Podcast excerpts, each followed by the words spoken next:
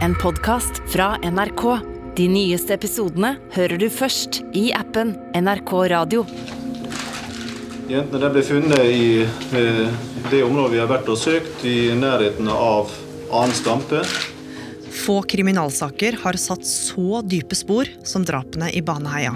Nei, jeg tror det er at eh, alle føler seg skremt av det som har skjedd. Nei, vi er forferdelig lei oss. og Vi er redde og sinna og veldig usikker på hva vi skal gjøre videre.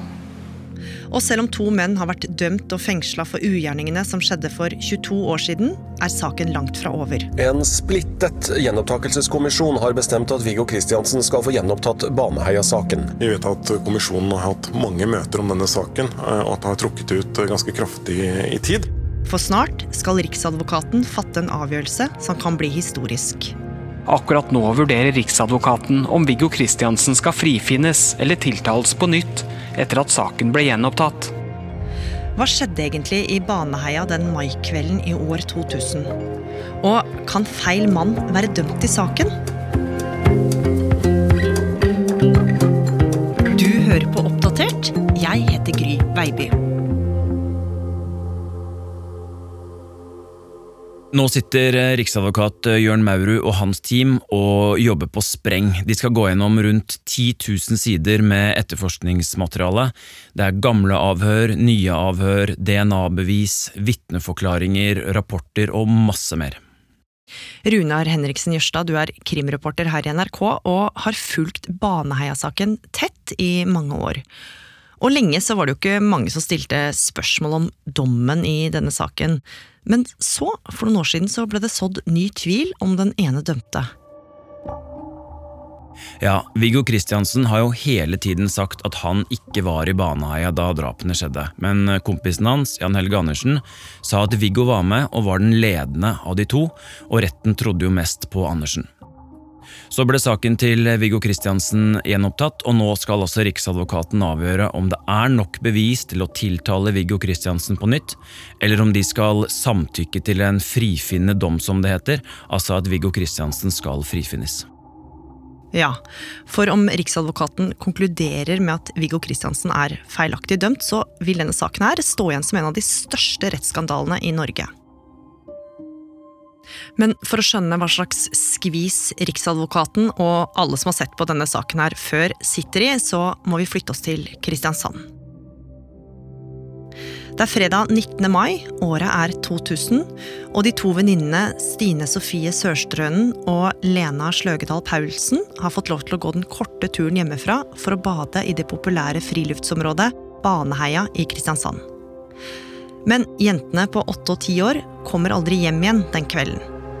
Dykkere er satt inn i letingen etter de to jentene som har vært savnet i Baneheia utenfor Kristiansand siden i går kveld. Mer enn 120 personer samt redningshunder har i hele dag lett etter jentene i Baneheia i Kristiansand. Politiet står fremdeles uten spor. I over et døgn leiter politi og frivillige intenst etter de to jentene. Og så, søndag kveld, kommer den grufulle beskjeden. Da kan jeg bekrefte at vi eh, klokka 20.37 eh, fikk melding om at to døde jenter er funnet i Baneheia i Kristiansand. Da skolekamerater kom til Fagerholt skole i morges med foreldrenes arm over skulderen, hang flagget på halv stang for å minnes den drepte ti år gamle Lena Sløgedal Paulsen. Det var mange som hadde en tung dag. Og det var mange som hadde tårer i øynene. Bildet av to smilende jenter med melketenner, redningsvest og lilla badedrakt pryder avisforsidene. Alle lurer på hvem som har gjort noe så grusomt, og folk føler at de har mista tryggheten sin. Politiet jobber på spreng og må stadig svare på hvor langt de har kommet, og når de har den eller de skyldige. De setter i gang en omfattende etterforskning hvor de prøver å kartlegge alle som var i Baneheia denne kvelden. Krimteknikere saumfarer åstedet og sender prøver videre til analyse. Og så, ikke lenge etterpå, så får de to kandidater i kikkerten. Nemlig kompisene Jan Helge Andersen og Viggo Kristiansen. Ja, Andersen sier i det første avhøret at han var på joggetur i Baneheia den eh, kvelden, før han stakk eh, og besøkte Viggo klokka halv åtte. Mens Viggo sier at han eh, denne kvelden holdt på ved huset eller i bua og fiksa på sykkelen sin. Han sier han ikke var i Baneheia i det hele tatt. Men så var det jo en som kjenner Viggo og Jan Helge som forklarte til politiet at han hadde sett begge de to gutta opp i Baneheia. Og da sier Viggo i et senere avhør at han blanda dager at han har nok vært i Baneheia denne kvelden, men han eh, sykla opp dit for å spørre om å få reservenøkkelen til sykkelbua. Han hadde låst seg ute fra bua, forklarte han, og han hadde da ringt faren til Jan Helge Andersen og spurt hvor Jan Helge var, og faren sa da at han var oppe i Baneheia, derfor så sykla han da opp dit. Men selv om politiet nå har flere kandidater foran seg, så kommer det ikke noe videre i saken. Ukene og månedene går uten nevneverdig utvikling før det plutselig skjer noe. Beslagene de tekniske etterforskerne gjorde her, kan nå vise seg å bli helt avgjørende for utfallet av det til nå uløste dobbeltdrapet i Baneheia.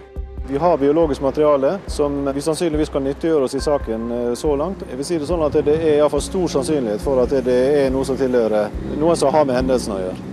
Gjerningsmannen? Ja. Politiet begynner nå å få svar på undersøkelsene de gjorde på åstedet. Der finner de et kjønnshår fra Jan Helge Andersen, og de finner også DNA fra han på den yngste jenta. Og fire måneder etter drapene i Baneheia så tilstår Jan Helge Andersen.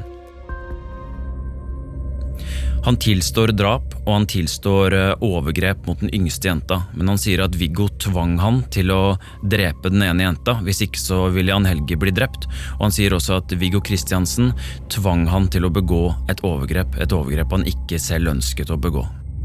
Politiet i Kristiansand har altså arrestert og sikta to menn på 19 og 21 år for voldtekt og drap av to jenter i Baneheia i mai. Vi har den situasjonen at i den første forklaringa til en av den sikta, så erkjente han at de har drept jentene. Og Det innebærer også at han har trukket med seg i den forklaringa også den andre sikta personen i saken. Men noe skurrer, for mens Jan Helge Andersen innrømmer å ha gjort det, så sier jo kompisen at han er uskyldig. Og hva sier Viggo Kristiansen til politiet, Runar? De to gutta har jo hver sin forklaring, det har de hatt i over 20 år. Og det er jo såpass enkelt at en av dem lyver og har løyet hele tiden. Viggo Kristiansen har hele tiden sagt at han har ikke noe med drapene å gjøre. Han har hele tiden sagt at han var ikke i Baneheia da disse to små jentene ble voldtatt og drept. Og så har han holdt fast på forklaringen sin på at han syklet opp til Baneheia for å møte Jan Helge Andersen for å spørre om eh, reservenøkkelen til bua, og så har han sagt at han dro hjem og var hjemme resten av kvelden, og at Jan Helge kom ned og besøkte han etter hvert. Men til tross for at Viggo Kristiansen nekter for å ha noe med saken å gjøre, så mener politiet at de har sterke nok bevis til å ta saken til retten. I dag fremførte statsadvokat Edvard Dahl sin prosedyre. Dette er historien om gatas skrekk som ble en voldtekts- og drapsmann, sa han, og anmoda juryen ærbødigst om å kjenne Viggo Kristiansen skyldig i alle tiltalepunktene. Og juryen de setter seg ned og diskuterer saken grundig før dommen kommer. Juryen er kommet til enighet. Minst sju mener Kristiansen er skyldig i voldtekt og drap på to små jenter. Viggo Kristiansen er barnemorder og voldtektsmann. Etter flere runder i retten så blir Viggo Kristiansen dømt til 21 års forvaring, og Jan Helge Andersen blir dømt til 19 års fengsel. Ja, Viggo Kristiansen dømmes jo til landets strengeste straff. Og siden han ble dømt til forvaring, så visste jo ikke han når han kom til å slippe ut igjen. Det er jo en tidsubestemt straff. Og i 2008, seks år etter dommen i lagmannsretten, så ble den første begjæringen om gjenopptagelse levert. Den første av i alt sju stykker. Men gang på gang så får Kristiansen avslag, og lenge ser det helt håpløst ut å få saken prøvd på ny. Men så, for noen år siden, så skjer det flere ting som gjør at folk begynner å stille spørsmål ved om Viggo Kristiansen egentlig er skyldig. Jeg er helt overbevist om at det må være Jan Helge Andersen og de to jentene han ser gå det. I en helt ny bok om drapene i Baneheia konkluderer forfatter Bjørn Olav Jahr. Jan Helge Andersen har drept begge jentene alene, og Viggo Kristiansen er uskyldig. Ja, Først så kommer jo boka 'Drapene i Baneheia' av Bjørn Olav Jahr. Han trekker frem flere årsaker til at han er overbevist om at Viggo Kristiansen er uskyldig. Og så kommer det en podkast, og et sentralt spørsmål der var jo kan vi ha tatt feil? Og så kommer TV-dokumentarserien Kampen om sannheten, og noen begynner jo å tenke da har vi tatt feil, mens andre fortsatt er like overbevist om at eh, dommen er riktig. Med all den nye interessen rundt saken hans, så velger jo Viggo Kristiansen igjen å få saken sin prøvd på ny. Ja, det her var jo en kamp som hadde pågått i 13 år. Det ligger masse arbeid fra advokater og støttespillere bak. Og i fjor kom altså beskjeden fra Gjenopptakelseskommisjonen, de som avgjør om gamle saker skal behandles på nytt. En splittet gjenopptakelseskommisjon har bestemt at Viggo Kristiansen skal få gjenopptatt Baneheia-saken. Eh, det var fantastisk. Virkelig fantastisk. Jeg blir så glad, eh, og det er så riktig. Eh, og Det gir meg en veldig så stor tro på at Retts-Norge er villig til å rydde opp i det man har gjort feil tidligere. De hadde jobbet med den siste begjæringen i tre år, og nå mener de at saken skal gjenåpnes. Og det at denne saken, som har ligget som et åpent sår i så mange år, skal tas opp på nytt, det vekker sterke reaksjoner. Men Runar, hva gjør at Gjenopptakelseskommisjonen er villig til å åpne saken nå i 2021, og ikke før? For å gjenoppta en sak så må det finnes nye bevis eller andre forhold som kan lede til frifinnelse eller lavere straff. Det er kriteriene for å gjenåpne en sak. Tidligere har jo kommisjonen ment at det ikke finnes noe sånt. Nå mener de derimot at det gjør det. Flertallet i kommisjonen mener det hersker reell usikkerhet om de biologiske sporene i saken viser at det er flere gjerningsmenn. De mener også at forklaringen til Jan Helge Andersen, som var helt sentral i dommen, er klart svekket som bevis. Og de mener også at det er en rimelig mulighet for at Viggo Kristiansen ville kunne blitt frifunnet. Men det er også en annen ting som blir beslutta. For når saken nå skal gjennomgås på nytt, så havner ansvaret ikke bare hos statsadvokaten i Oslo, men også hos Oslo-politiet. Hvorfor betyr det noe? Det handler om nye øyne, nye metoder, og det starter jo med at eh, statsadvokaten i Agder ber om å ikke behandle den gjenåpnede saken. Derfor så overtar jo, som du sa, statsadvokaten i Oslo, og Oslo-politiet setter da ned en gruppe som skal begynne å gjennomgå saken på nytt og utføre nye etterforskningsskritt i håp om å finne flere svar. Og mens den nye etterforskninga pågår, så skjer det som Viggo Kristiansen har drømt om etter nesten 21 år bak murene. Akkurat eh, nå ser vi altså bilen til faren til Viggo Kristiansen som ankommer eh, Ila fengsel. Ja, jeg står utenfor eh, Ila fengsel den dagen og ser da porten gå opp, og den svarte bilen med Viggo Kristiansen og faren hans kjører ut fra Ila fengsel. Medfanger henger ut av vinduene og klapper og hoier og roper, mens Viggo Kristiansen da sitter inne i bilen og smiler tilbake til de innsatte og vinker til dem, og kjører da ut fra Ila og er en fri mann etter å ha blitt sett på som et monster i over 20 år. Og imens så begynner Oslo-politiet å gå gjennom saken på nytt. De gjør mange nye avhør og går gjennom gamle saksdokumenter. Og et av de viktigste sporene de har, er DNA-prøvene fra åstedet og de to jentene. Og Runar, det her er komplisert, men under den første etterforskninga så finner politiet i Agder DNA fra to ulike menn. Det ene stammer fra Jan Helge Andersen, og det andre sporet det er mye mer uklart, og politiet har aldri klart å fastslå hvor det kommer fra. Det kan ha stammet fra Viggo Kristiansen, men det kan også matche med DNA-et til 54,6% av alle norske menn. Politiet har også undersøkt om dette kan være oversmitte fra noen helt andre enn de dømte, og da saken ble gjenåpna, så mente Gjenopptakelseskommisjonens flertall at nye undersøkelser klart svekka DNA-beviset mot Kristiansen. De gamle sporprøvene sendes inn til nye analyser til norske og utenlandske eksperter, og de finner ikke noe DNA fra Viggo Kristiansen. Det de derimot finner, er seks nye funn av DNA fra Jan Helge Andersen. De finner DNA flere steder på kroppen til den eldste jenta, som kan være forenlig med overgrep, altså jenta som Jan Helge Andersen sier han ikke har forgrepet seg mot. Ja, og det her er jo virkelig dårlig nytt for uh, Andersen. Hva sier han om de nye funnene? Jan Helge Andersen blir spurt om det er i avhør, og han sier at han ikke vet hvordan DNA-et hans har havnet der. Han sier at han i så fall ikke husker hva som har skjedd, og at han må ha blacket ut dersom han har begått overgrep mot begge jentene, eller at eh, det må ha smittet over DNA fra Viggo. Ja, og dette nye DNA-sporet det så jo tvil om hele Jan Helge Andersens forklaring. Ja, eh, Forklaringen til Jan Helge Andersen var et svært viktig bevis i retten da Viggo Kristiansen ble dømt. Men mange mener jo at troverdigheten hans nå bare blir mindre og mindre, i og med at de finner DNA-spor som viser at eh, han har vært i kontakt med begge disse jentene, noe helt annet enn det han har forklart hele tiden. Og det at hele forklaringa til Andersen slår sprekker, det vekker jo nytt liv til et annet bevis som fikk mye oppmerksomhet, nemlig mobilsporet. For Viggo Kristiansen han fortalte jo den gangen at han hadde et veldig nært forhold til mobiltelefonen sin, og at han hadde den med seg overalt hvor han gikk. Når alle vi ringer med mobiltelefonen vår, så blir det jo registrert hvor vi er, hvilke basestasjoner vi bruker.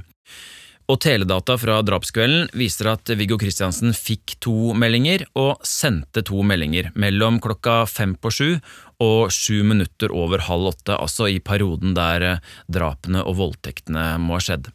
Og alle disse tekstmeldingene gikk da via en basestasjon som kalles EG-A.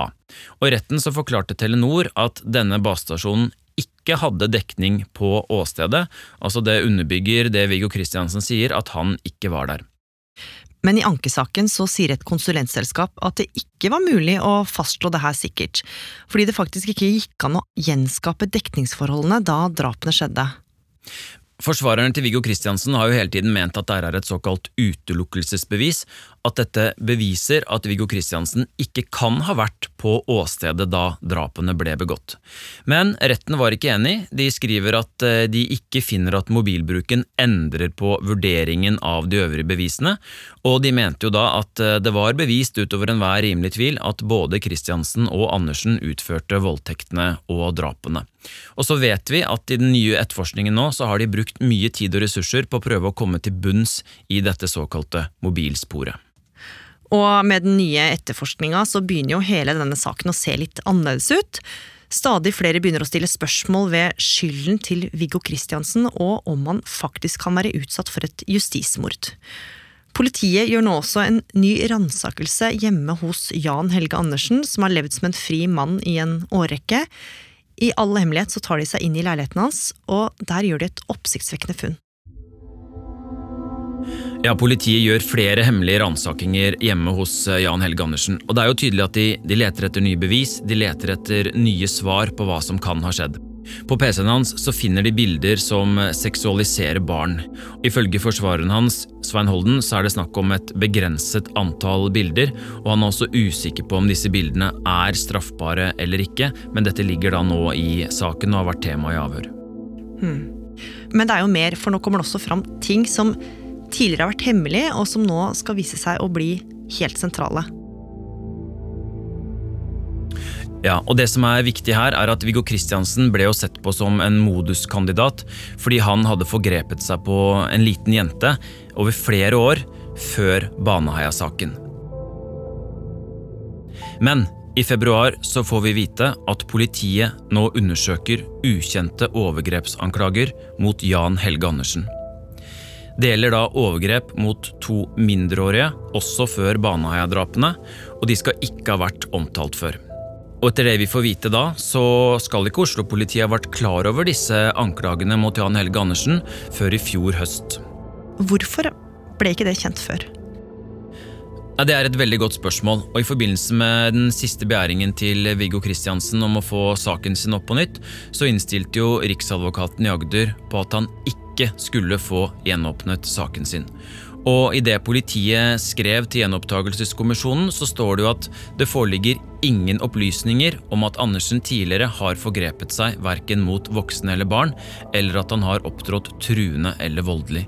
Han er heller ikke omtalt som aggressiv, seksuelt utagerende eller spesielt opptatt av mindreårige barn. Og politiet varslet aldri gjenopptakelsen om disse gamle overgrepsanklagene. Og her må det også nevnes at etter det NRK kjenner til, så var Andersen mindreårig på tidspunktet for de to overgrepsanklagene, og kunne derfor ikke straffes om beskyldningene mot ham skulle stemme. Og i avhør skal ikke Andersen ha erkjent andre overgrep enn de i Baneheia. Men etter at det her kommer ut, så kobler Spesialenheten seg på, altså de som etterforsker politiet, for nå vil de finne ut av hvorfor denne informasjonen ikke har blitt kjent tidligere. Og nå i slutten av september så blir hele Agder-politiet og en ansatt der mistenkt for å ha holdt tilbake relevante opplysninger. Olav Rønneberg, krimkommentator her i NRK. Nå er det jo ingen som veit når Riksadvokaten kommer til å bestemme seg, og vi får vite hva som skjer videre i denne saken. Men hva er de mulige utfallene? Et mulig utfall er jo at Riksadvokaten sender saken tilbake til ny etterforskning, fordi han mener at den ikke er undersøkt godt nok, men det er ikke så veldig sannsynlig fordi Riksadvokaten har vært løpende orientert om etterforskningen av denne saken ganske lenge. Et annet utfall er at han beordrer en ny tiltale mot Viggo Kristiansen. Da blir det ny rettssak med ny bevisførsel eh, og en ganske langvarig affære i så fall. Eh, og Den tredje muligheten er at han eh, sier at bevisene ikke holder, og at Viggo Kristiansen må frifinnes. Da vil saken uansett måtte gå innom lagmannsretten, men, men da vil jo saken bli avsluttet, og Viggo Kristiansen vil jo bli ansett som en fri mann. Hvis det nå skulle vise seg at Viggo Kristiansen blir frifunnet, hva vil det ha å si for rettsstaten Norge? Det vil jo være en av Norges største rettsskandaler, vi, vi, må kunne si det. Eh, han har sittet eh, fengslet hele sitt voksne liv, han har sittet på strenge restriksjoner. Eh, han er dømt for to bestialske drap som rystet en hel nasjon. Så da vil vi måtte ta et oppgjør med den saken. Viggo Kristiansen vil ha krav på en omfattende erstatning, sannsynligvis et tosifret millionbeløp. Og så vil det antageligvis bli en granskning av, av hele Baneheia-komplekset og, og hva som egentlig gikk galt.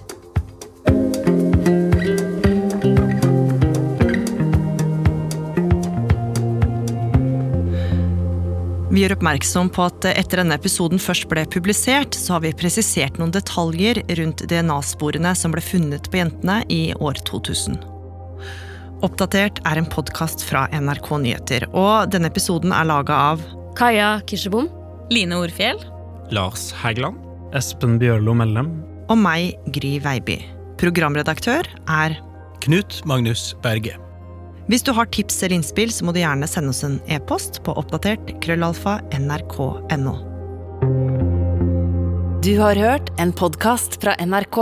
De nyeste episodene hører du først i appen NRK Radio.